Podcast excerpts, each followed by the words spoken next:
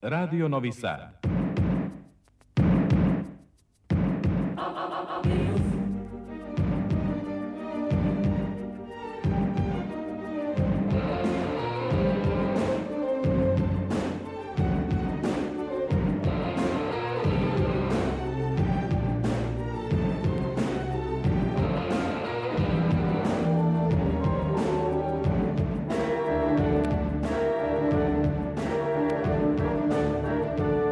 Spektar.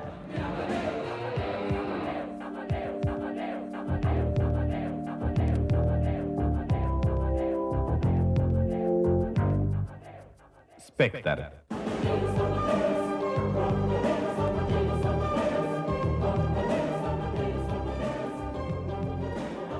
Dobro veče. Ja sam Tatjana Novčić-Matijević. Petak je 12 minuta posle 22 sata. Vreme je da otvorimo još jedno izdanje emisije Spektar, magazina za kulturu prvog programa radija, radio televizije Vojvodine. Šta je aktuelno bilo ove sedmice? I mnogo toga i malo toga zavisi od očekivanja. Ono što e, sledi jeste od ponedeljka počinje Festival profesionalnih pozorišta Vojvodine, 71. najstariji naš pozorišni festival, pa će naravno biti reči i o tome. Samom činjenicom da je selektor tog festivala e, teoretičar teatra e, Vlatko Ilić i reditelj i odabrao je zanimljivu selekciju koju će obrazložiti u, u ovoj emisiji. Kad smo već kod teatra, Sterino pozori obeležilo je svoj dan dodelom nagrade za savremeni dramski tekst. Dobitnica je mlada Vida Davidović za komad Mali ratovi kabine Zare i Vida Davidović u spektru govori o tom osjećanju nagrađene autorke. To je istina nije debitantski tekst, njeni tekstovi su već e, igrani u teatrima. E, biće reči i o jednom programu u okviru Europske prestonice kulture. On je naslovljen da li je e, Novi Sad književni ili obični grad ili tip svakodnevni grad. E, o tome će za spektar govoriti autor tog programa, Vladimir Gvozden, kritičar i profesor Novosadskog filozofskog fakulteta. Zatim govorit ćemo o specijalnom broju časopisa Polja. On je posvećen Olgi Tokarčuk, poljskoj spisateljici, Nobelovki. Mi romane, odnosno prozu, te e, književnice čitamo već 20 godina u prevodima na srpski jezik, ali da kako, kao i sa svim što ne pripada onoj dominantnoj uh, anglosaksonskoj literaturi, obratimo pažnju na uh, autore tek kada ih obasija ta svetska slava, te tako uh, je, su polja je to posvećena Olgi Tokarčuk, a jedna od prirađivačica tekstova je zapravo i njena prevoditeljka Milica Markić. I da ja ne govorim baš do kraja da ne otkrivam sve, reći ću samo da će biti reči i o srpskoj epistolarnoj antologiji 20. veka, priređivač, a ko drugi nego Radovan Popović i još o mnogo čemu do, pa bezmalo, 24 sata, 87,7, 99,3 99,6 MHz ultra kratkih talasa e, su ona stara normalnost e, na kojoj uobičajeno se čujemo, a kad govorimo o novim mogućnostima, onda znate da Spektar možete čuti odloženo na sajtu Radio Televizije Vojvodine naredne sedmice.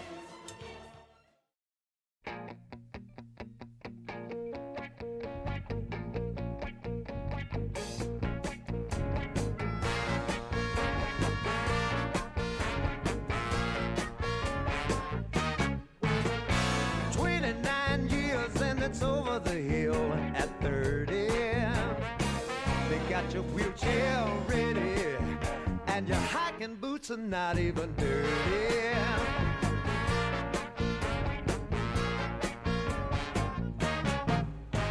Lady luck, I step side, you greet her.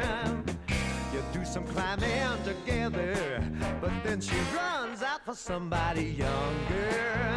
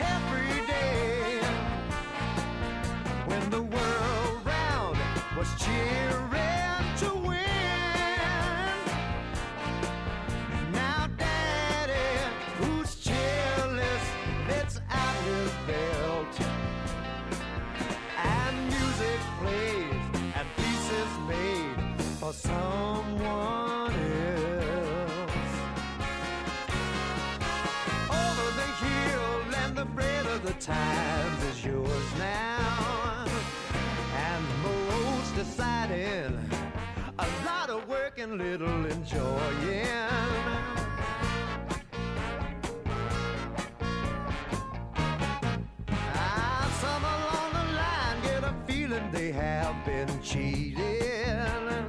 Spirit defeated.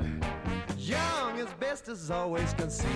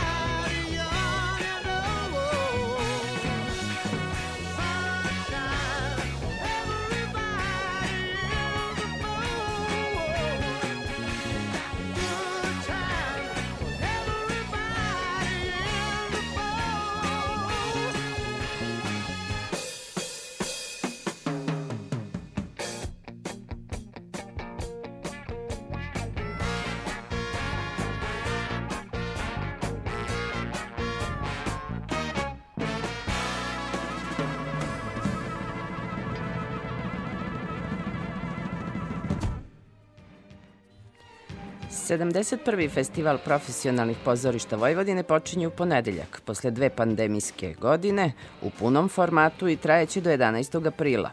Domaćin je Zrenjaninsko narodno pozorište Toša Jovanović. Festival počinje izborom u čast izložbom u čast glumice Mire Banjac. Prva u takmičarskoj selekciji je predstava Živi pesak, drame na mađarskom jeziku Subotičkog narodnog pozorišta. Selektor, teoretičar pozorišta i reditelj Vlatko Ilić iz dve protekle sezone odabrao je za večernji program šest, a za dečiji tri predstave. O selekciji govori kroz razmišljanja o teatru, a u razgovoru sa Aleksandrom Rajić. 71. festival profesionalnih pozorišta Vojvodine počinje u ponedeljak u Zrenjaninu i to pod sloganom Sve pozorišne mašine, priče, slike, afekti.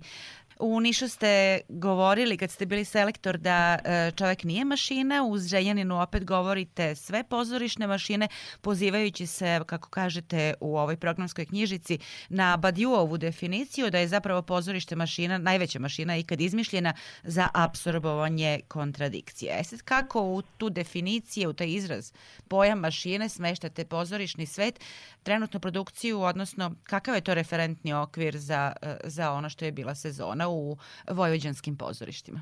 Pa kad je reč o samom sloganu, on zaista jeste nekako proistekao iz onoga što je selekcija, koja je opet proistekla iz u ovom slučaju dvogodišnje produkcije pozorišta, profesionalnih pozorišta Vojvodine i naravno festivali se inače razlikuju i se samim tim se selekcije razlikuju.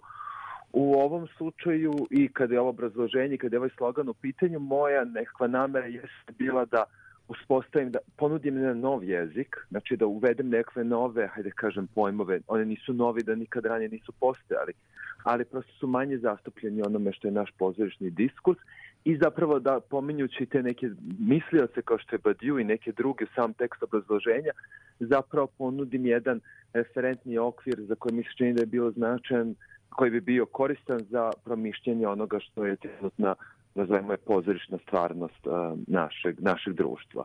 Tako da sa mašinama, mislim, to je danas se sa ovim diktatom digitalizacije zaista videli smo i da i sama pozorišta i pozorišni umetnici i umetnice nekako jesu, sve više razmišljaju i sve više uključuju nove tehnologije. To takođe nije novina, ali to sad za vreme pandemije nekako desilo naglo i postoje vrlo vidljivo i, i zapravo će biti neophodno u narednom nekom periodu razmišljati o tome mnogo ozbiljnije, o tome kako se zapravo pozorište pozicionira na spram toga što je tehnološki napredak, da li zauzima neko svoje mesto, da li ga problematizuje, ali prosto će morati da se, već je neophodno pozorište misliti intenzivnije u odnosu na ono što je društveni trenutak i današnja kultura, kako je neki nazivaju medijska kultura, koja je u svakom slučaju izuzetno obeležena pristupom same tehnologije. Ajde, pre nego što pređemo na samu selekciju, možda samo još jedan zapažanje, jedna observacija. Vi ste težište e, stavili na, u ovoj definiciji na reč mašina. Meni je zanimljiva i reč apsorbovanje kontradikcije u društvu. Bazijova ideja jeste bila da pozorište ništa ne može narušiti. On je rekao, evo čak i, na primer, Platon, koji je bio takav, mislim sad naravno spekulišemo, Platon je davno živeo, ali znamo da je on nekako za razliku, recimo da Aristotela nije bio tako naklonjen umetnosti, čak se i njegovi dijalozi postavljaju na scenu. U tom smislu govori, govori o obsobovanju, znači sve može postati pozorišnom građom. I, I zato treba imati na umu da je pozorište kao jedan, nazovemo ga medij, možda u tradicionalnom smislu medij, ne kao što je to film koji je nužno ima tu tehnološku postoje ta tehnološka ravan. Pozorište je zapravo izuzetno, meni se čini, mnogo moćnije i nudi mnogo više nego što deluje na prvi pogled. I zato se meni u ovom smislu taj sam pojam mašine učinio da je važno prosto samo ga uvesti u rasprave, u ono kako govorimo i mislimo o pozorištu. Između ostalog i da bismo malo pomerili težište sa toga šta je priča. Mislim, u jednom trenutku se i naša scena zaglavila u toj polemici, da li govorimo o dramskom, postdramskom pozorištu. E, mislim, ona jeste, kako bih rekao, jeste značajna, ali u krajnjem slučaju studija postdramskog pozorišta se objavlja u Nemačkoj 99. godine. Tad je već prošlo preko 20 godina, stvari su se neke dogodile, prosto se paradigma menja. U tom smislu ja uh, mislim da je neophodno neko pomeriti tešte sa toga da li je... U teorijskom smislu ili uh, u onome što jeste pozorišna stvarnost? Pa ja mislim da tu nema razlike. Mislim da se razlika mhm. pravi na, na veštački. Mislim to kad mi kažemo da kako bih rekao, mi možemo koristiti jezik, ne moramo ga teorijski promišljati. Ljudi koji stvaraju pozorište zapravo uvek barataju nekim jezikom. I sad je samo pitanje da li se nas zanima i želimo da se odnosimo da neko, imamo neki odnos prema toga koji jezik, kako, koji jezik koristimo i tu zapravo nekako, ajde kažem, teorija stupa na scenu ili ga nekako ne problemski samo upotrebljavamo. Mislim, samo dovoljno brati pažu kako sami ljudi govore o svom radu. Mislim, stvaravac pozorišni, uh, uh, ne samo reditelji, rediteljki ili dramaturzi, dramaturški, postoje glumci, glumice. Prosto treba brati pažu na jezik koji se koristi. I otuda je ovaj nastavak priče, slike, afekti. Prosto i u krajem slučaju ova selekcija jeste takva i produkcija bila takva. Mi vidimo da tu ima predstave koji nisu uopšte ima i onih koji su, nazovimo ih, literarnih teatra. Mislim da je to još da kažem, korisniji, onako zgodniji pojem od postdramskog, ali zapravo vidimo kako su i ti prizori postaju možda sve važniji, u kajem slučaju mi živimo, koje je Debor davno rekao, društvo spektakla, danas je vizualni medij onaj koji je dominantan, a u krajnjem slučaju i afekti, pri čemu se mnogi smatraju da su upravo danas dolaze nečega što naziva afektivnim obrtom i da i, da i nova tehnologija postoje u tom smislu afektivne. Ja inače kada mislim i kada govorim o teatru i kada stvaram umetnost uvek se trudim da nekako, kako bih rekao, da ne zaključujem stvari, nego da prosto sad to ovako malo zvuči kao floskola, otvaram perspektive, ali da prosto mislim da je mnogo važnije intervenisati, nuditi novo, otvarati nove perspektive gde je to moguće, insistirati na pitanjima koje su otvorena, nego neko iznove tvrdi da stvari jesu jasne, ja mislim da su nam stvari mnogo manje jasne nego što se to nego što bismo to rekli. Jedno od pitanja koje otvara naravno pozorište u novoj sezoni jeste i problem autorefleksije. Dosta predstava iz ovogodišnjeg izbora bavi se upravo pozorišnom stvarnošću i onom što teatar jeste i što bi, evo kako kažete, i trebalo i mogao da bude. Koje su te predstave? Ajde da krenemo da govorimo o ovogodišnjoj selekciji. Koje su te da. predstave? Da. Kada je reč o predstavama koji su našli u selekciji, ali i mnogim drugim, ono što je bilo primetno jeste jedna zapitanost nad pozorišnom stvarnošću, nad, po, nad tim šta je pozorište i šta bi ono moglo da bude. I zato sam i, i stavio akcent na tom onome što je u sam tekst obrazloženja, mi se to učinilo zanimljivo i to je neka, čak mogli bismo reći, najmanji zajednički menitelj ove dvogodišnje produkcije, to je produkcije tokom prethodne dve sezone, jer su predstave inače vrlo, vrlo različite. Koliko ste zapravo ove godine pogledali predstava, šta vam je ponuđeno i šta ste odabrali za uh, 71. izdanje festivala u Zrenjaninu? Zanimljivo je kada je ovaj festival u pitanju, već sam rekao da ima različitih festivala, sam tim ima različitih selekcija. Ovde taj izbor zapravo prolazi, mislim ne samo izbor, nego čitav festival podržava neko više, mogli smo ja nazvati to, e, krugova vrednovanja. Zapravo već sama pozorišta prijavljaju određene predstave, tako da je znači, se izbor pravi do onoga što su prijavljene predstave. U slučaju je bilo prijavljeno 30 predstava za odrasle i 7 predstava za decu onda selektor od toga pravi ovaj izbor koji će se inaći u festivalu i onda u kojem slučaju na festivalu postoji i stručni žiri koji i dodeljuje nagrade.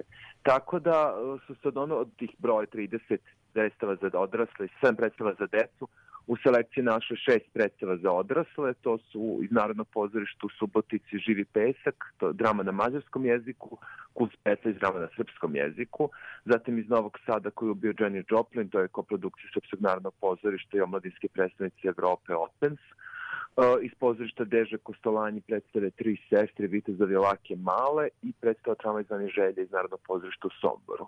A od dečjih predstava to su Pipi Duga Čarapa iz Dečjeg pozorišta u Subotici, Dečak i mesec iz predstava pozorišta Toša Ivanović iz Renjanina, koji domaće novogodišnje festivala i devojčice sa šibicama iz pozorišta Mladih Novi Sad. I sad ono prvo što upada u oči to je da su četiri subotičke predstave na, na ovom večernjem repertoaru, e, jedna u selekciji pozorišta za decu. Govorimo o e, mreži e, profesionalnih pozorišta u Vojvodine koja je na prvi progled i formalno bogata. A ovim repertoarom, ja bih rekla, e, stiče se neki utisak neravnomernosti, ne mislim sam, ne u kvalitetu ili u vašoj oceni, ili postoje neke objektivne okolnosti. Zajednica profesionalnih pozorišta Vojvodine je vrlo u tom smislu zanimljiva. Ta dinamika je zanimljiva što vi s jedne strane imate Novi Sad, koji je recimo veliki centar, naravno kulturni, i onda imate različite institucije, uključujući i profesionalna dečija pozorišta ili, na primjer, Slovačko pozorište u Bačko Petrovcu. Mogu bi da kažem da su profili institucija koje se nalaze u okviru te zajednice vrlo raznovrsni. I uh, verovatno to i znate, ali možda vaši slušalci to znaju ili, ili ne znaju, ali to je zanimljivo pomenuti. Naravno, festival već jako dugo postoji, već to samo se da je 81. put se organizuje. Postojale su različite koncepcije, nekada je to izgledalo tako i kada je bilo manje pozorišta koje su činile zajednicu. Zapravo svako pozorište odigra jednu predstavu i to su bili susreti u pravom smislu te reči, ali to je bilo i vreme i kada su svi mogli da budu i prate čita festival. Nažalost, danas nekako, kao bi rekao, i, i rad u oblasti kulture izgleda drugačije. Ja se nadam da će koleginice i kolege moći da vidi druge predstave, ali znam da je to malo verovatno. koleginici, koleginici svih pozorišta. Tu su postoje različite koncepcije da on treba da bude više revijalnog tipa ili zapravo treba da buhvata i selekciju, odnosno da li tu treba da postoji selektor koji bira najbolje predstave. Ali je pozorišta puno i nekako prosto već godinama to izgleda tako što i selektor bira predstave i naravno rekli ste, ponekad tu ulogu igra ukus, vrlo često selektori imaju koncept koji, koji da. nekako igra odlučujuću ulogu i zapravo paze na to ko će biti u kojoj meri zastupljen. Ja sam odmah, od, kad je sledio poziv iz uh, predsjedništva zajednice uh, rekao da ću ja prosto pristupiti tome tako što ću izabrati predstave koje cenjujem kao umetnički najuspešnije. I ja moram priznati da u tom smislu nije bilo koncepta koji prethodi ovom, ovaj izboru i, on, i moj ukus nije bio presudan. Prosto su ove predstave kad govorimo o njihovim poetikama, one su zaista vrlo različite, uh, ali je naravno, mislim, nije nemoguće oceniti čak i ako nešto nije po vašem ukusu, vi možete da ocenite u kojoj meri je određen bilo koje umetničko delo umetnički uspešno.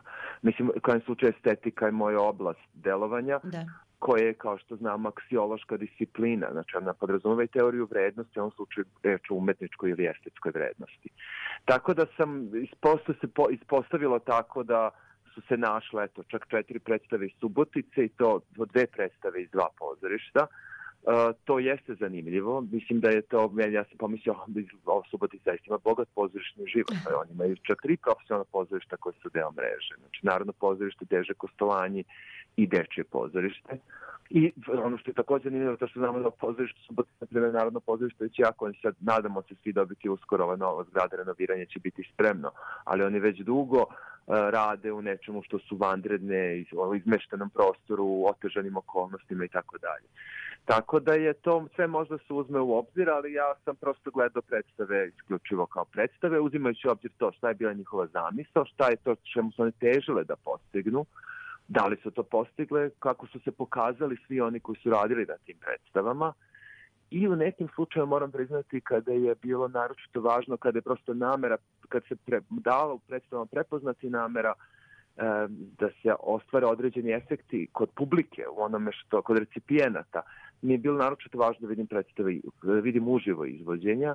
Ja sam puno uh mhm. -huh. toga, nažalost, mora da pogledam preko snima, kada je krat, bio kratak, i, i neke predstave su otkazivane zbog COVID-a i dalje, testirani pozitivni učesnici i tako dalje. Mislim, okolnosti su bili komplikovane, to svi znamo, ali u određenim slučajima je zaista bilo jako važno vidjeti da li je to što je bila namera, kako se zapravo to gleda, kako se to vidi i za neki predstavljam je stvarno bilo Uh, ne mogu reći da je odigrala presudnu ulogu, ali sam uzeo obzir i to kako publika reaguje na, na, na njih.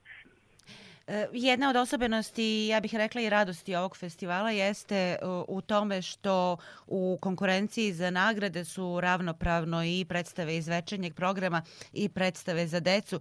Kako ste gledali predstave za decu? S obzirom na to da je, evo, iz godine u godinu se ponavlja to da je produkcija eh, ovog vrsta teatra prilično skromna. Ja moram vam priznati da sam predstave za to sam čak mislim par puta nikad ne pa nikad sam poslednji put gledao veliko predstava za decu, niti imam decu, niti u mom bližem okruženju trenutno ovi prijatelji koji žive, bar, bar ovi koji žive u našoj zemlji, ne ovi koji žive, ovaj, što je to isto zanimljivo prijatelji koji ne žive u zemlji i prijateljice su svi sa decom, a ovi zbog okruženja trenutno ljudi u Beogradu, pre svega gde živim i radim, nemaju decu. Tako da stvarno ne kad sam bio poslednji put u pozorištu za decu, ali sam uredno pogledao sve predstave. Isto sam i gledao kao predstave za odrasle. Znači, vi takođe vrednujete sve što vrednujete ovaj, kada gledate predstavu za odrasle, uzimajući naravno u obzir godište, publiku i da pogledam je uživo i to je takođe bilo dragoceno da vidim prosto kako najmlađa publika reaguje na njih. Ne znam da li je produkcija skromnija i mislim da je ima, postoji jedna vrsta u ovim našim stručnim krugovima drugačijeg odnosa prema pozorištu za decu. Mislim da to čak nije ni, kako bih rekao, da to nije, nije utemeljeno ni u čemu.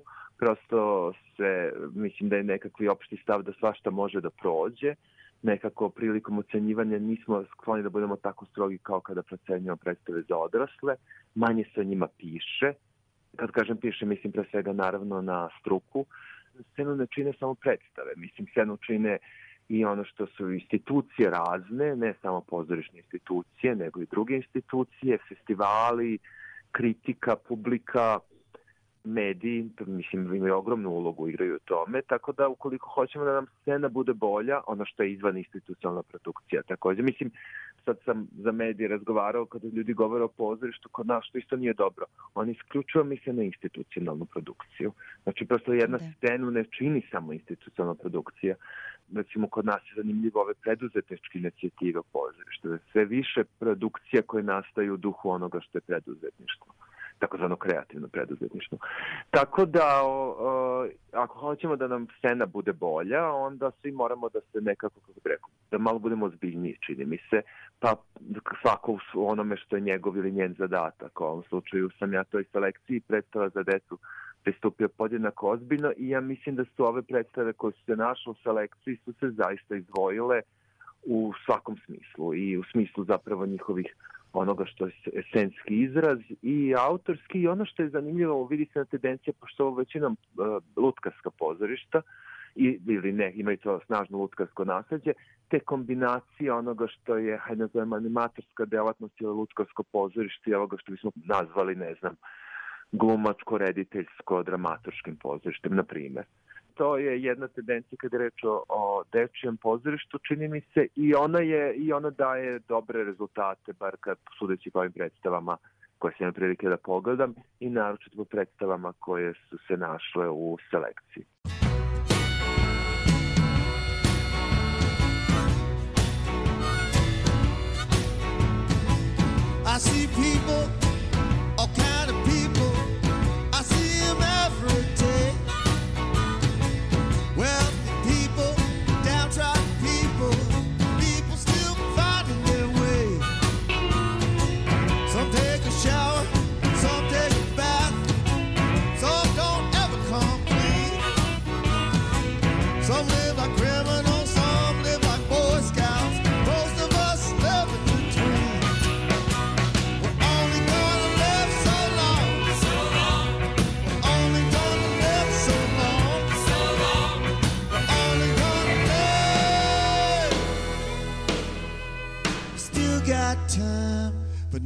Quite as much as we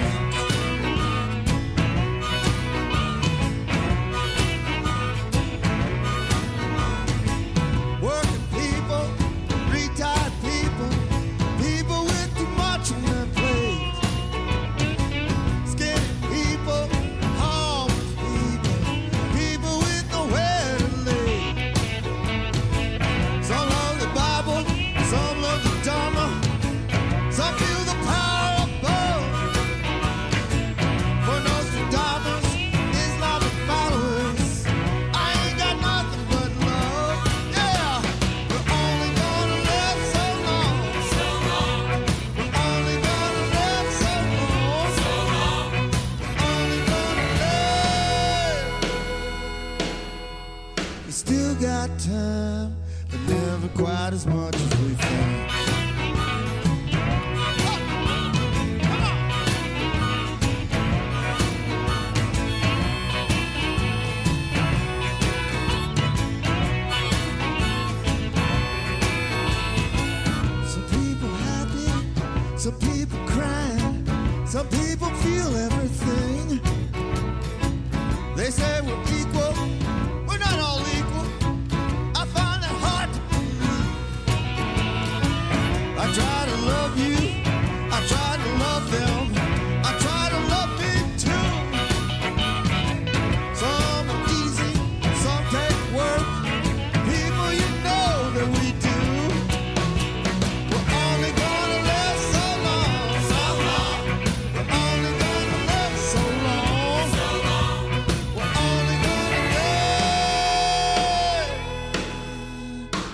think. time, but never quite as much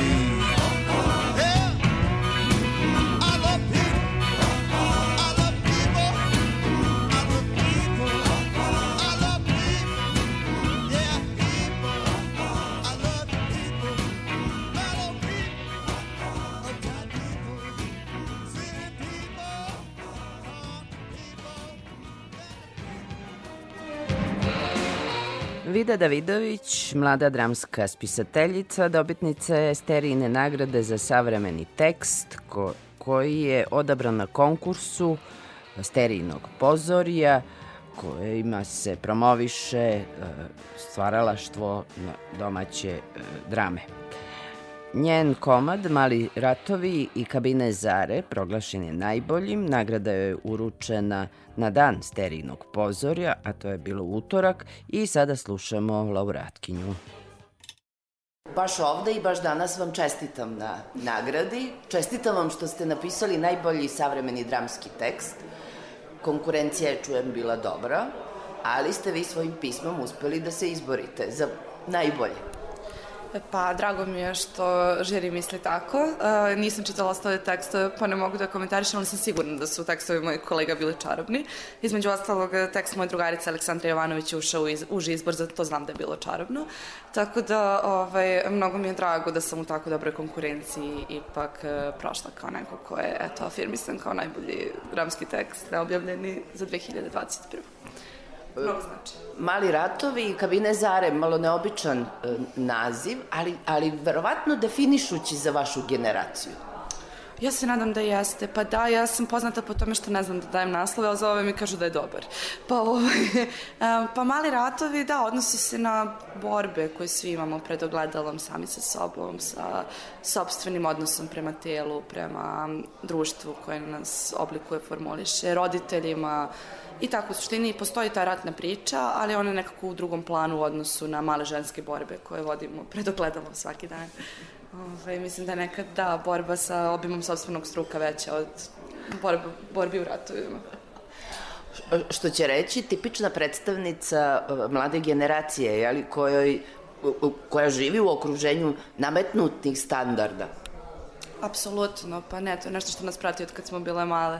I ta Instagram forma lepote i sve što nam se nekako, ne mogu da kažem baš plasira, ali to je jako smiješno kad dođete u situaciju da ste jako mali, onda vam pričaju o djetama kad imate 7 godina.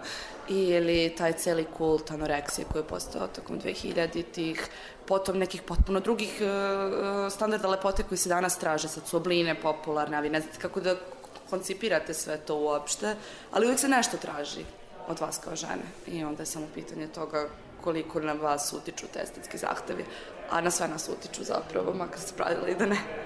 I zapravo ta kabina je opaki prostor, jer se su, suočite sa, sa samom sobom, ne? I sa svim onim što, što se zahteva. Konstantni e, izvor borbe, pogotovo u kabinama uvek imaju ona neka fluorescentna svetla, ako znate, izgledate sto puta gore nego što izgledate na svom ogledalu. I onda sam ja zapravo počela od toga da svi plaču u kabinama Zare. Ovaj, a, zapravo to je samo marketinčki trip insistiranja na određenim nesigurnostima kod žena, kako bi se više kupovali proizvodi. Ali to e, posledice na mentalno zdravlje su užasne, mislim i ta instrumentalizacija ženskog tela je užasna I da, onda su to najveći ratovi koje žena zapravo vodi sa sobom, kad shvati da treba da smrše još par, pa još par kilograma zapravo, to je ono što zapravo je težnje za savršenstvom. A savršenstvo je nedostižno, ali to nam u medijima niko ne govori nikada. Ali dobro, to je, to je uvek dobar prostor za, za dobar tekst, za ispisivanje. Ovo nije vaša prva drama, već imate izvođenih komada, dakle već ste se suočili sa tim kako tekst izgleda na sceni i kako publika reaguje na to što, što gleda i čuje. Uh, jes, mene to uvek jako lepo. Ja je mnogo volim uh, te različite nivoje interpretacije kojem doprinose i reditelji, glumci i drugačije bojenje likova, donošenje nekih valera koje ja nisam napisala, nego je neko drugi učitao. Tako da nisam sujetna u tom smislu, meni to stvarno, meni pozorište divno, ja volim pozorište.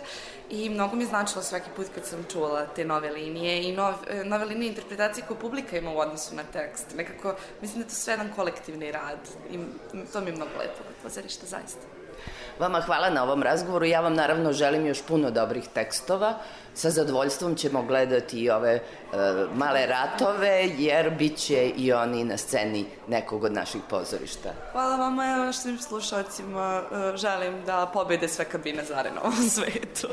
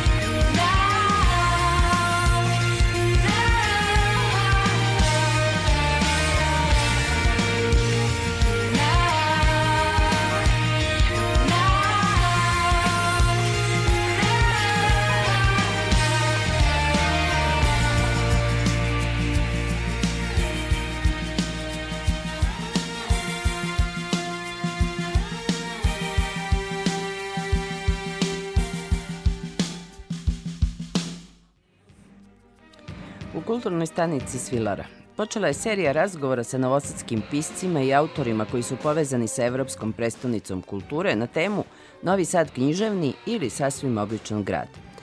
Projekat će osvetliti niz pitanja u vezi sa odnosom grada i književne umetnosti nekad i sad.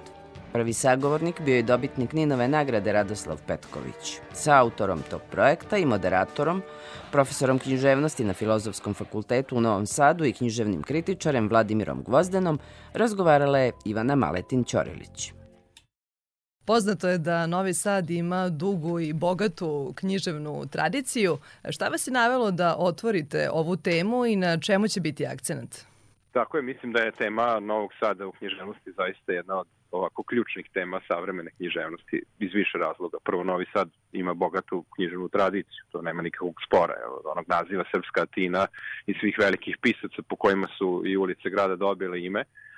A s druge strane, Novi Sad ima naravno savremenu scenu koja je vrlo snažna, sa vrlo velikim književnim imenima poput uh, jel, Lasla Vegela, Slobodana Tišme, pesnika poput Jovana Zivlaka i raznih drugih imena i naših gostiju jel, koji će biti sada poput Radoslava Petkovića i tako dalje. Dakle, Novi Sad zaista ima i književnu scenu i književnu prošlost, ali Novi Sad možda mora da ima malo više svesti o tome. I cilj ovog ciklusa jeste da mi na neki način zaista odgovorimo na to pitanje da li je Novi Sad književni grad ili je neki sasvim običan grad. grad. U kom smislu? E, književni grad u smislu svog simboličkog značaja, u smislu onog lavirinta koji je i književni lavirint i kulturološki lavirint i lavirint našeg nekog duhovnog bogatstva u pravom smislu te reči.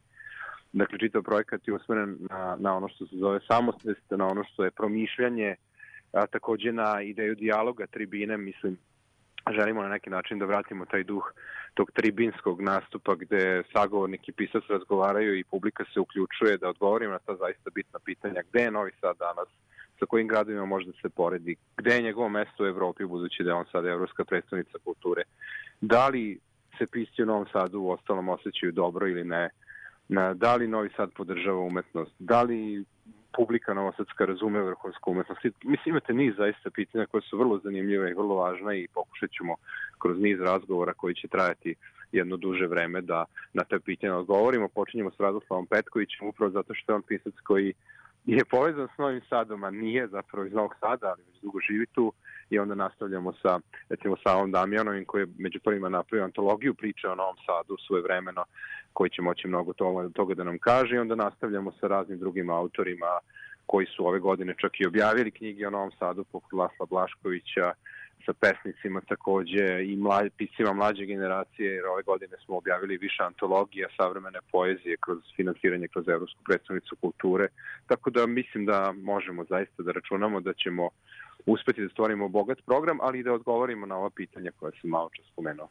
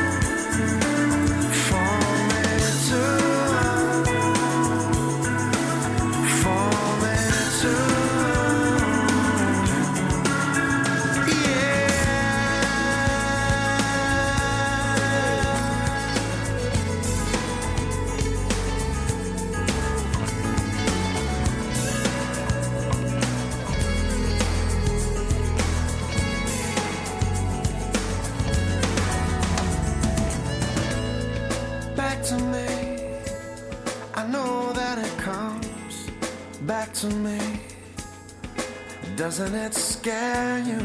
Your will is not as strong as it used to be.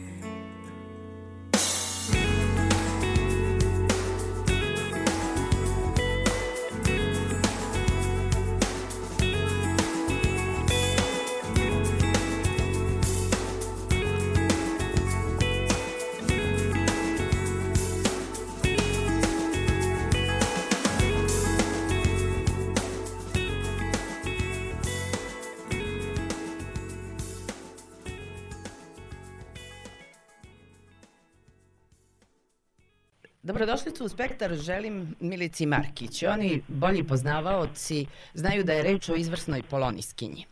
I naravno povod jeste zvezda savremene poljske literature, Olga Tokarčuk. Vi ste je prevodili. Pre svega dobroveče i dobrodošli u Spektar, gospođo Markić. Prevodili ste Olgu Tokarčuk i priredili ste specijalni broj časopisa Polja, koji objavljuje Kulturni centar Novog Sada, e, posvećen upravo ovoj spisateljici. Da. I sad ja moram da pitam odakle ta težnja da se o Olgi Tokarčuk napravi, pa ovo prevazilazi specijalno izdanje časopisa. Ovo je, tako reći, mini knjiga o, o toj književnici. Pa da, ovaj, znate kako, to je uopšte interesovanje ovde za Olgu Tokarčuk je nekako se intenziviralo od onog trenutka kad je ona e, dobila Bukerovu nagradu, a e, potom 2019. i Nobelovu nagradu i e, nekako tad je fokus javnosti e, tek bio usmeren na nju. Inače do tada je ona bila ovde, ja nju prevodim još od 2000. godine, i nije bila ta recepcija baš e, toliko uspešna, da tako kažem, jer ona je u to vreme, tad kad sam ja počela da je prevodim, ona je bila ovaj, ono, mlada, srednje generacije već, jel, ovaj, e, književnica, zajedno sa ostalim nekim predstavnicima te jedne iste ovaj, manje više ovaj, književne struje I od tog trenutka, znači ja sam tad bila prevela još na početku tih 2000 tih neka e, tri njena romana, e, kasnije je, ovaj, su bili ono Beguni, e, ne znam, Pamtivek i druga doba, to je već što je u Pa ideji izašlo i tako dalje. I sad osjećao se neki um, manjak tog, kako da kažem, neki deficit te pažnje I onda smo prosto želeli da e, taj, e, taj nedostatak e, nadopunimo, da to popravimo. Uopšte, mislim, inicijativa ovog, mislim, idejni pokretač za ovaj tematski broj je bio ovaj Miljenko Jergović, koji je gostovao i na Proza Festu u Novom Sadu i mislim to je bila Jednako kao ideja. i Olga Tokarčuk. Tako je, da. Tako je, da. E, To je bila njegova ideja da se napravi tako jedan tematski blok. E, On je inače njen veliki poštovalac i odani čitalac. I ovaj, tako da smo se sa urednikom Alenom Bešićem dogovorili ta ideja to potiče da praktično još od 2000, mislim 19. godine. Tako da mislim dosta dugo je to trajalo. Ja sam imala nekakve tekstove sakupljene, mislim trebalo je sve to iskoristiti jer svaki put kada e, neku knjigu prevodim ja onda skupljam razne tekstove koji su u vezi sa, sa delom i sa autorom. E, i toga se baš e, ovako nakupila jedna pristojna ovaj, zbirka tekstova, a i mnogi prilozi ovde su napravljeni od e, nekakvih njenih nastupa, recimo konkretno jedan nastup njen u gradskoj biblioteci u Varšavi gde je ona imala vrlo zanimljiv nastup i značajne stvari je tada govorila tad već sam mogla da naslutim koja će biti sledeća njena tematska preokupacija. To su sve neke vrlo e, ovako interesantne stvari, a sem toga go, i gostovala sam na njenom e, festivalu književne planine u Novoj Rudi, u Šleziji, E, i tu sam isto, e, tom prilikom sam dosta ovaj, zanimljivog materijala prikupila Tako da je sve to trebalo da nađe neki svoj prostor da mogu, da mogu te stvari da se ovako javno nekako e, pokažu i jako sam srećna i zadovoljna da je ovaj broj izašao. Ne samo zbog toga što je kod nas postojao taj deficit pažnje, jer to sam ovde i naglasila negde na početku da e, mali broj tekstova tih e, kritičkih osvrta je napisan Znači, opisao je, ne znam, Petar Arbutina, Dušica Potić, Iljana Šop, ali nije bilo ovaj, nekih značajnijih e, osvrta. I u ostalom, e, za Nobelovom nagradom je bilo tako da je e, Olga Tokarčuk bila u sve vreme u senci o Petera Handkea. Da, Tako da, istina, to smo, da. to smo nekako hteli sve da ovaj, nadomestimo i moram da napomenem da mi je jako drago da je sam ovo radila u saradnji sa koleginicom iz Novog Sada, Jelenom Jovanović. Nekoliko godina je bila lektor u e, Poznanju i ona zaista jako dobro poznaje opus Olge Tokarčuk, čitala ju je originalu i bila sam jako srećna i zbog toga da eto postoji i tu neka solidarnost, da to bude da timski rad, nešto što je jako bitno, jer kada ste prevodilac Olge Tokarčuk, onda nekako morate i misliti onako kako i ona misli, a njoj je jako važna ta i interakcija i e, ta saradnja i to taj ko- kolektivizam jedan. Jasno, pa u, E, u ostalom na tom sinkretizmu insistira i u literaturi i u, i u komunikaciji. Tako je, tako je. E, Da, Hoću da nešto da vas pitam. Dakle, ovaj broj nekako kad čitam naslove rubrika čini mi se da ste koncipirali kao sliku. Meni je drago da to se, kako kažete, e, čita kao slika, jer to jeste poenta nekako da bude kao neki, e, neki tako ovaj, pristup, kao neka, ne znam, holografski neki, e, neka scena ili ne znam, kao neki... U osnovom, mislim, Olga recimo kaže da ona najviše želi da, najviše bi žela da se njene knjige čitaju kao kad se gleda film. Jedan od tekstova je takođe posvećen i toj temi gde ovaj, ona pominje kako se sada recimo ta naša percepcija menja i kako čitaoci i publika sve više sa, tom, sa skraćivanjem te pažnje e, sve više su okrenuti slikama. E, Tako da u tom smislu to je jako dobro ako, ako, ako se čita tako kao slika. Ali evo tu ima na početku ovih e, nekoliko tekstova, oni su zapravo delovi iz njene najnovije zbirke eseja koja se zove Blag pripovedač. To je u pripremi trenutno u službenom glasniku a naslov te e, knjige, te zbirke je u stvari po naslovu ovog njenog Nobelovskog govora. Meni je bilo žao što tad kad je već izašao taj, taj njen govor, kad je publikovan, nisam želela da ga predstavljam još uvek dok e, se ova knjiga cela ne uredi.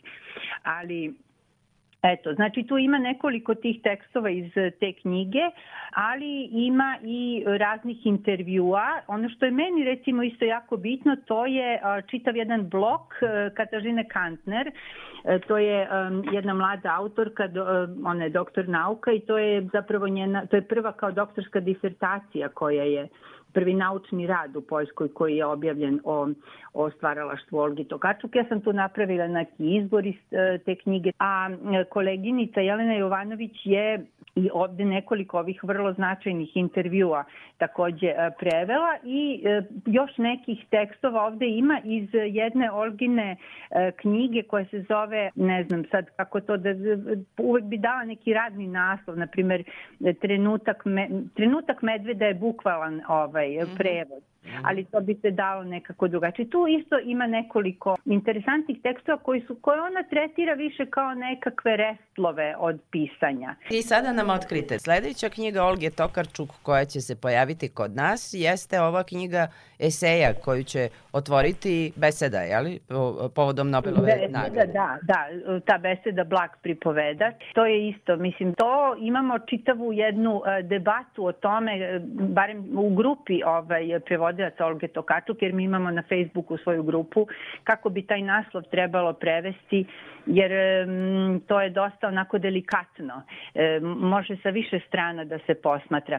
Ali ne samo što će ta knjiga ovaj, izaći, nego je u pripremi takođe u službenom glasniku prvi roman Olge Tokarču koji sam ja još 2000-te ovaj, prevela, to je u Nolitovo izdanje bilo i te knjige nigde nema da se nađe. E, tako da smo sad uradili praktično novo izdanje, izaći će pod novim naslovom. Tad se 2000-te je bilo u potrazi za knjigom, sad će naslov biti drugačiji kad su ljudi pošli po knjigu. Tako da imamo praktično sada, ovaj, očekujemo još znači, dve, dve nove knjige. Vama hvala na ovom razgovoru i hvala vam naravno na ovom e, specijalnom izdanju časopisa Polja posvećenom Olgi Tokarčuk, poljskoj savremenoj spisateljici, Nobelovki, dobitnici Bukerove nagrade i ne samo to, dobitnici najviših e, poljskih e, književnih priznanja. književnih nagrada, da, da.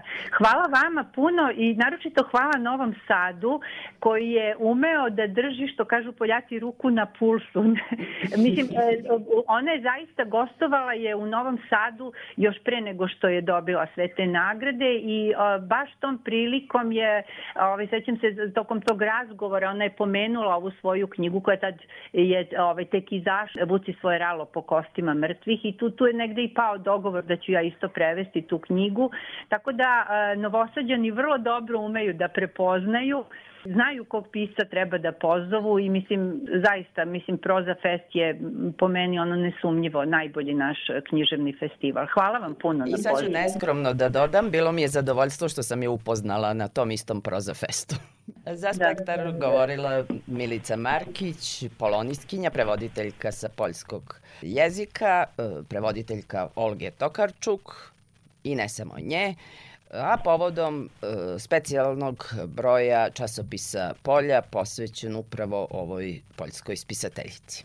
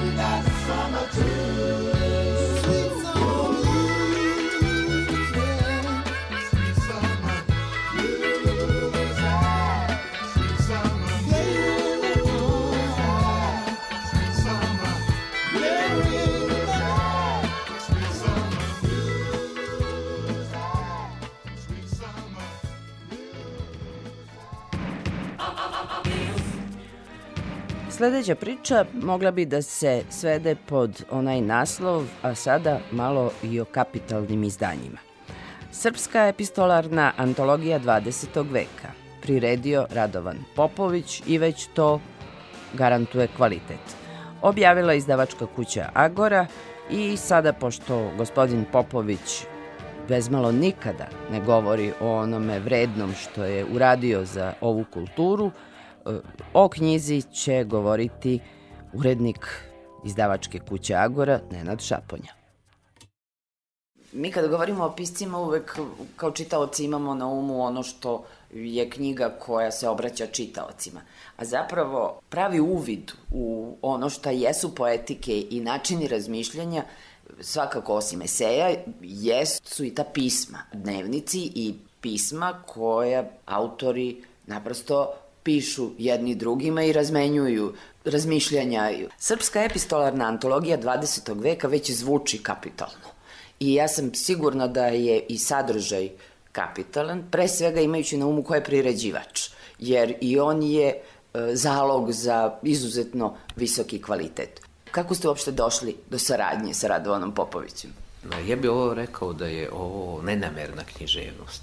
Pisma, to su privatna pisma, ljudi se dopisuju, ne moraju biti pisci, ali pišu možda zanimljiva pisma, međutim zanimljivije je još kada vidite ljudi kojima je posao da pišu, kojima je to pozvanje životno, koji su se i ostvarili, znači, pa pišu i to uglavnom jedni drugima, pišu i nekim trećim licima, e, svojim članovima porodice, prijateljima, ali su zanimljiva naravno i pisma između pisaca, to je poznato i to je već onako jedan korak u književnosti iz sfere privatnog.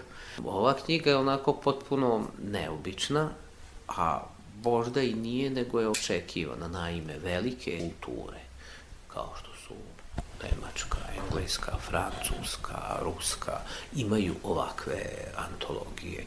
Potpuno je normalno. Ja sam sa tom idejom predno 15 godine sa Radovanom Popovićem, znate, čovjekom koji je napravio nekih skoro 30 knjiga, neverovatnih e, biografskih knjiga o srpskim piscima. Da, da, gradio taj prostor kulture. Da, on je gradio prostor kulture koji kod nas nije vidljiv. Nema tu tradiciju. Kada odete u knjižare bilo koje zapadne zemlje, pored ostalog vidite, ne znam, roman, priče, enciklopedije, kuvari, ali imate i žan, ljubavni romani, naučna fantastika, imate i žan biografije. Kod nas to ne postoji. Znači, o svakom pisu se, ne samo pisu, nego o ljudima koji su zavrej. Čak i u Kini to postoji, znači o naučnicima, o svim ljudima, e, pevačima, sportistima, naravno, koji su zbog nečega vidljivi, zbog nečega intrigantni, znači, pišu se biografije i to su manje ili više zanimljive knjige koje su onako bolje ili lošije napisane, ali vi možete u njima pročitati e, ključne i bitne stvari, recimo o nekom pisu i neke stvari iza, iza kulisa, iza knjige i za imati jednu, još jednu sliku o tome. E, kod nas se jedini, čini mi se, ili skoro jedini Radovan Popović bavio time i ima zaista neverovatno delo. Ja mislim skoro 30 knjiga. Evo sad je izašla biografija uh, Aleksandra Tišme, Stojana uh, Vujčića u Matici Srpske. Znači i ovim poznim godinama on to radi, da ne kažemo Ivo Andri, Desanka Maksimović, Dobrica, Crnjanski. Praktično svako ko nešto znači, Branko Ćopić ko nešto znači u našoj književnosti, je bio predmet bavljenja ti e, intrigantnih tih knjiga Radovana Popovića i kao takvog sam ga ja i upoznao davnih dana.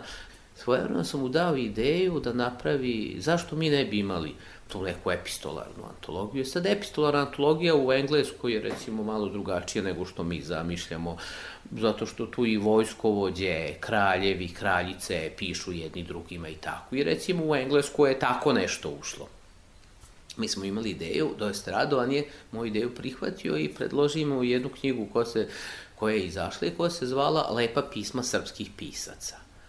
Od Vuka Karadžića pa nadalje. Znači ono što bi bilo zanimljivo i tako to je bila zanimljiva knjiga koja se brzo rasprodala i pre nekoliko godina ja sam ponovo imao ideju kao da radimo novo izdanje, ali zašto bi radili novo izdanje? Radovan je večno mlad čovek, i ko- iako je u 80. godinama, odnosno u 9. deceni, kaže ne, ajde da mi napravimo sada 20. vek, umeđu vremenu je prošlo tu dosta vremena, znači pisi koji određuju 20. vek, mnogi od njih više nisu sa nama i naravno u knjizi su pisma pisaca koji nisu tu i evo pred nama je tako nešto, nešto što je zanimljivo, nešto što ima skoro 600 strana, gde je obuhvaćen u stvari 20. vek i gde imate jedan u stvari, znači prvo ustretenjen topos na književnost. Na pisce, a pisi pišu o tome o čemu pišu, znači o ličnim stvarima, o onome što jesu,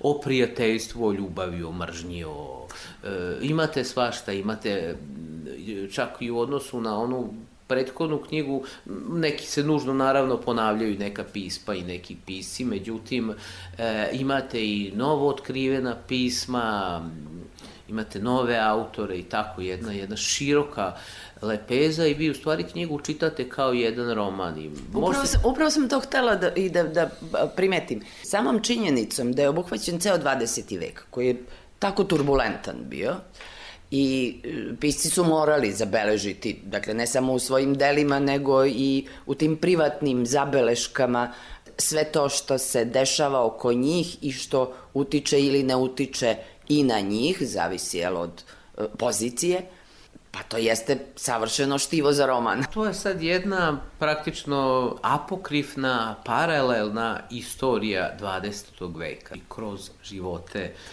kroz događaje i kroz oči, znači, e, pisaca. Otvara- To je znači knjiga koja je poklon nama neočekivan, poklon i meni koji sam recimo sa Radovanom. Maštali smo mi o tome i ono kad smo pravili i ovo na razne načine, ali znate kad se na kraju desi, kada otvorite knjigu, imate je, ipak ima taj element neočekivanosti.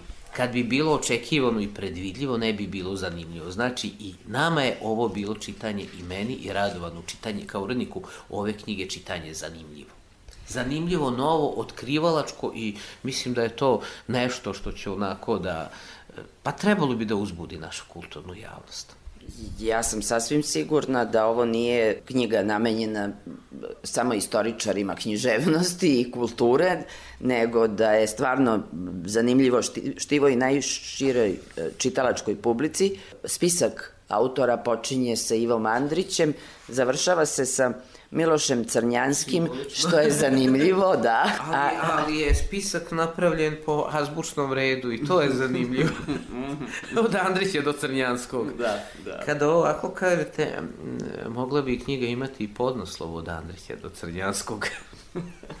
tu je, pa tu je, naravno, Saš, i svi, svi naši veliki, znači i Pisi, i Tišma, i ne znam, Skerlić, Selimović, Ugrinov, Ćosić, Ćopić, Milorad Pavić, Momčilo Nastasijević, Mihiz, Isaković. Petrovići, da, da. Petrović i Bulatović, recimo, zanimljivo je, baš su zanimljiva Mhm. njegova pisma. Mahom supruzi, mahom, a i prijateljima iz eh, kruga s kojima se družio, pisma isto tako Borislava Pekića su zanimljiva. Tako da sve, sve je tu.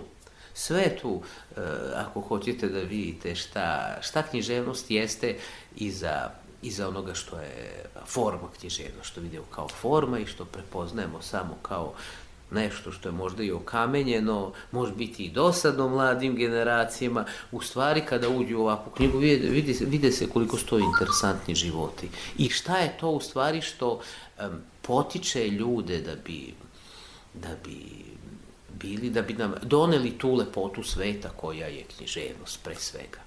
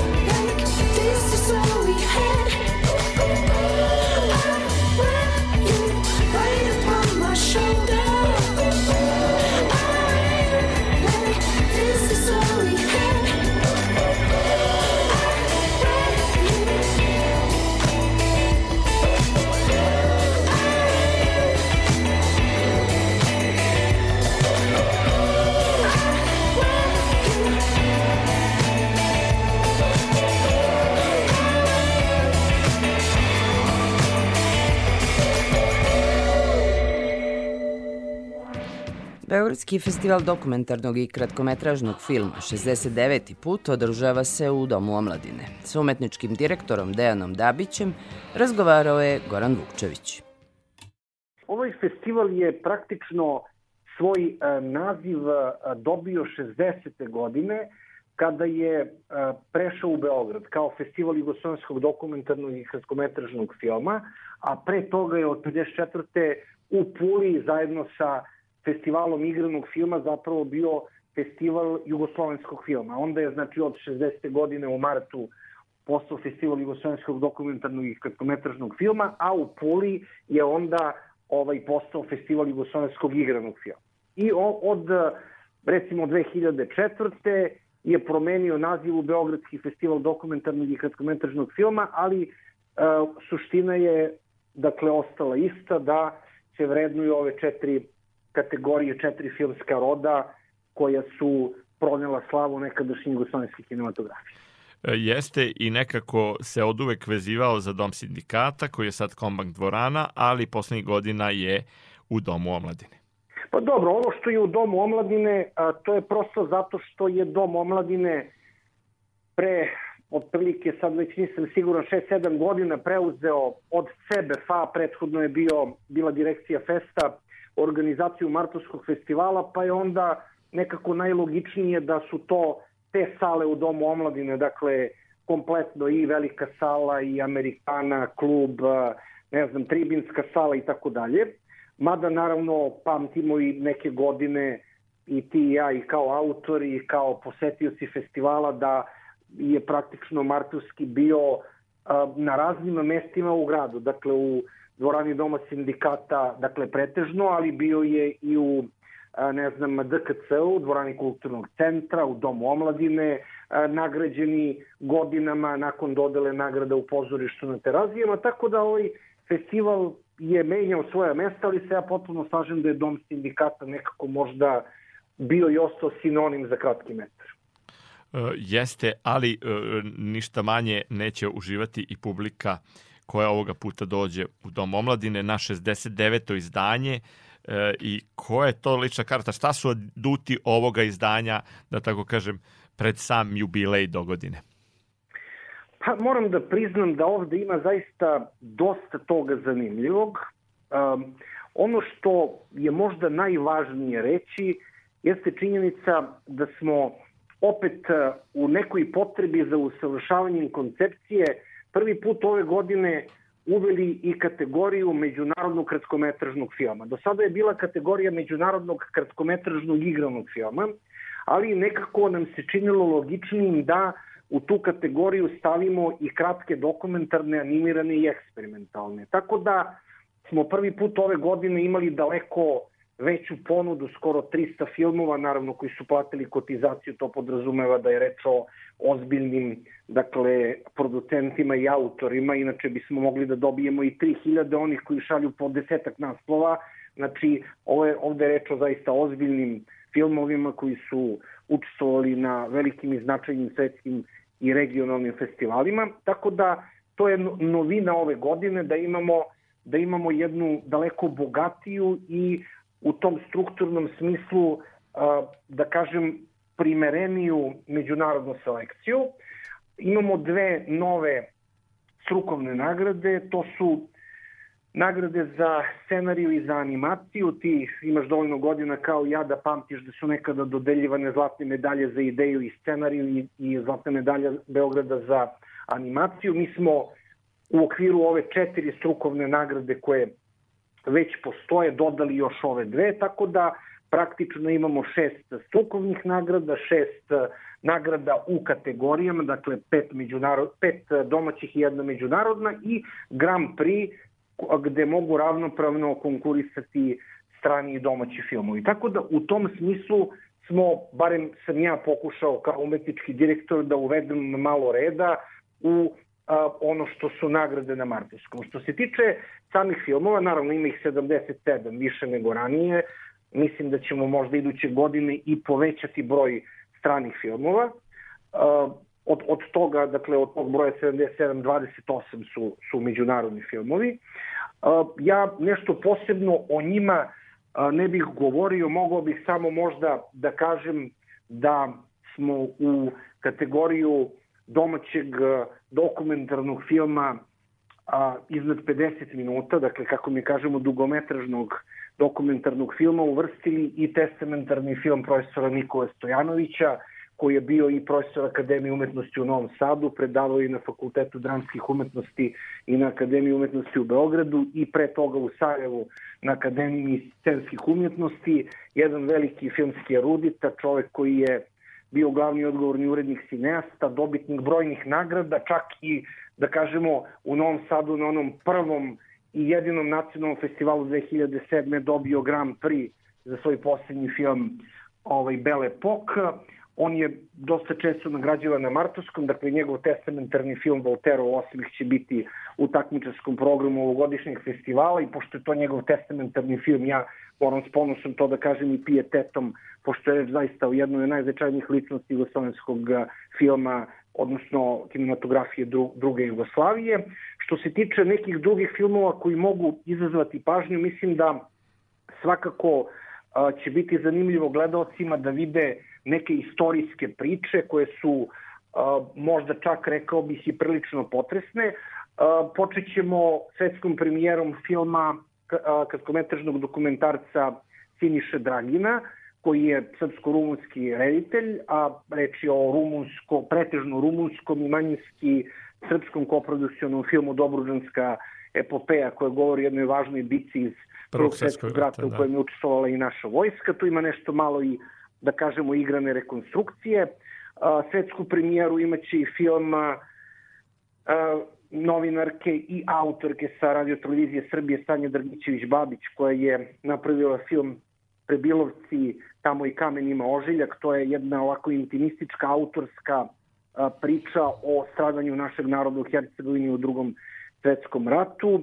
Imaćemo, rekao bih, veoma zanimljive a, filmove koji a, su na neki način predstavljanje različitih festivala ovaj, i svetskih i, i regionalnih. Ajde da pomenem recimo Interfilm Short Film Festival, čiji je osnivač i direktor Heinz Hermans, jedan od članova našeg žirija. Zatim za Vienna Shorts, festival kratkog filma u Beču, nama je posebno radio selekciju Neil Young, poznati britanski kritičar, dakle ne muzičar, nego kritičar. Da poznat ne... paličkoj da. publici, da. Da, da, ko, da, koji je paličkoj publici naravno poznata, bio je naravno i u Beogradu na, na festivalima. A, tu je u fokusu austrijski film, jer tu je i, da kažemo, pokrovitelj ove, ovog dela programa Austrijski kulturni forum.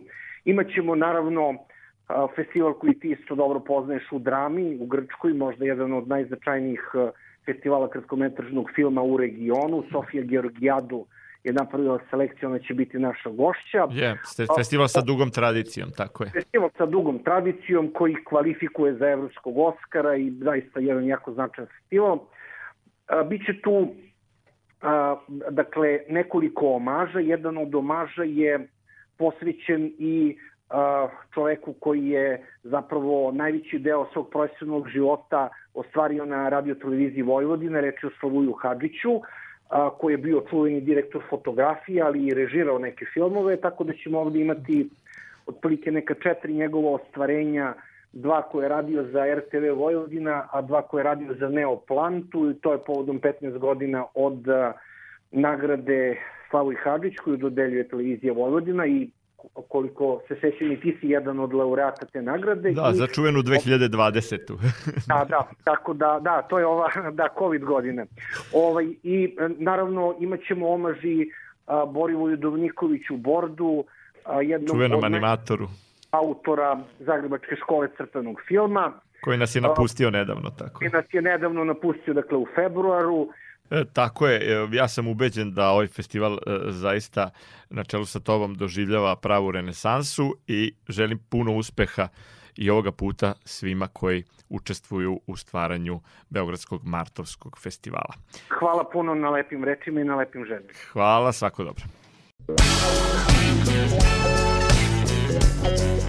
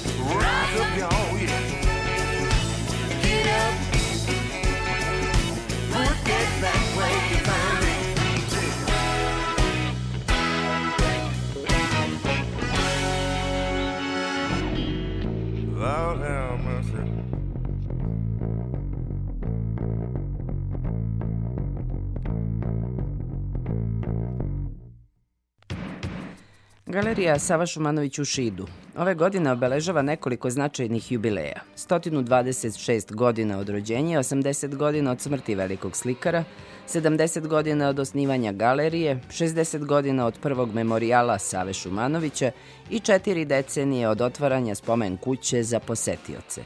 O pratećem programu Ivana Maletin-Ćorilić. Majstor iz Šida, naziv je publikacije Ljubice Miljković, čija promocija je planirana za Savin rođendan 22. januara kao prvi u nizu događaja u godini jubileja, ali je zbog loše epidemijske situacije odložen, objašnjava direktorka te ustanove Jovana Lakić. Dali smo mu tu odrednicu iz njegovo ime, parafrazirajući onu odrednicu koja se vezuje za ime Pola Sezana. On je majstor iz Eksa, tako su ga prozvali njegovi meštani, tako da smo mi Savi dali Sava Šumanović majstor iz Šida i vodič kroz svetlo zavičaja, jer on je u svom zavičaju našao taj nepreslušan izvor za stvaranje. Ovih poslednjih deset godina koje je proveo u Šidu, on je naslikao oko 600 slika, zaista su bile plodne godine za njega i, i ta jedinstvena svetlost a, a, Sremske krajine, Šida i okoline, kako on kaže, Sremska krajina deluje vedro i jasno kao nijedan drugi kraj koji sam do tada video, a on kaže da je taj šitski kraj najslikovitiji, njemu najlepši, a, tako da je to zaista aj jedinstven je po toj svetlosti, tako da smo ovaj, e, pod naslove publikacije Vodič kroz svetlo zavičaja. Mi smo kroz ovu, odnosno Ljubica Miljković je kroz ovu publikaciju obradila sve stvaralačke periode, sa najvišim osvrtom na ovaj šitski poslednji. Obuhvatili smo i njegovo poreklo, rođenje, školovanje, život u Zagrebu, život u Parizu i naravno uvijek povratak u otačbinu, povratak u šid ovih poslednjih deset, deset godina, ali smo s druge strane otkrili možda do sada neke i nepoznate široj javnosti podatke u Šumanoviću kakav je bio dobrotvor, da je bio topao prijatelj a, i, i, i humanista. U znak sećanja na jednog od naših najznačajnijih slikara 20. veka, Galerija Sava Šumanović inicira tri velike tematske izložbe. Prva je Mrtva priroda i cveće Save Šumanovića, planirana za maj, dok je druga deo projekta Novi Sad, Evropska prestonica kulture. Zajedno sa spomen zbirkom Pavla Beljanskog i Galerijom Matice Srpske realizujemo zajednički projekat Sava Šumanović i evropske realizme između dva svetska rata. To podrazumeva tri izložbe u tri ove ustanove kulture. Prva izložba je u Beljanskom, u Galeriji Matice Srpske će biti izložba slika Savinih koje one čuvaju i u Šidu će biti tematska izložba Šidjanke, tako da će u Šidu biti Šidjanke. U okviru ovog projekta planirana je i međunarodna naučna konferencija, tako da ćemo, jedan dan se konferencija država po spomen zbirci Pavla Beljanskog, a jedan dan smo mi domaćini u Šidu. Za kraj jubilarne godine Ši će se predstaviti kao grad umetnosti i van granica Srema. S umetničkim opusom dva šitska velikana dobit će priliku da se upozna i beogradska publika. Možda u Srbiji više poznat Sava Šumanović i ova šitska galerija, ali nekako u svetu je više poznat Ilija Bašičević-Bosilj, ali obojicu spaja šit, njihov zavičaj, je upravo u Šidu, tako da smo mi jako ponosni da je opština Šid, grad dva velikana, grad umetnosti, tako da zajedno sa kolegama iz Muzeja naivne umetnosti Ilijanum imamo zajedničku izložbu u Domu Vojske Srbije, Šid, grad dva velikana, tako ćemo nekako da nazovemo tu izložbu, tako da ćemo se predstaviti i mi i Ilijanu sa najvećim remek delima koje čuvamo u našim zbirkama O prvih sedam decenija rada Galerije Sava Šumanović biće reči i u velikoj monografiji koja je u pripremi.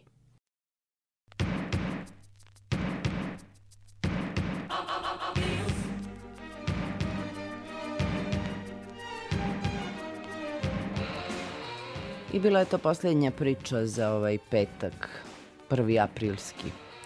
Laku noć i dobre snove želi vam Tatjana Novčić-Matijević. Narednog petka neke nove priče o kulturi umetnosti na ovim prostorima.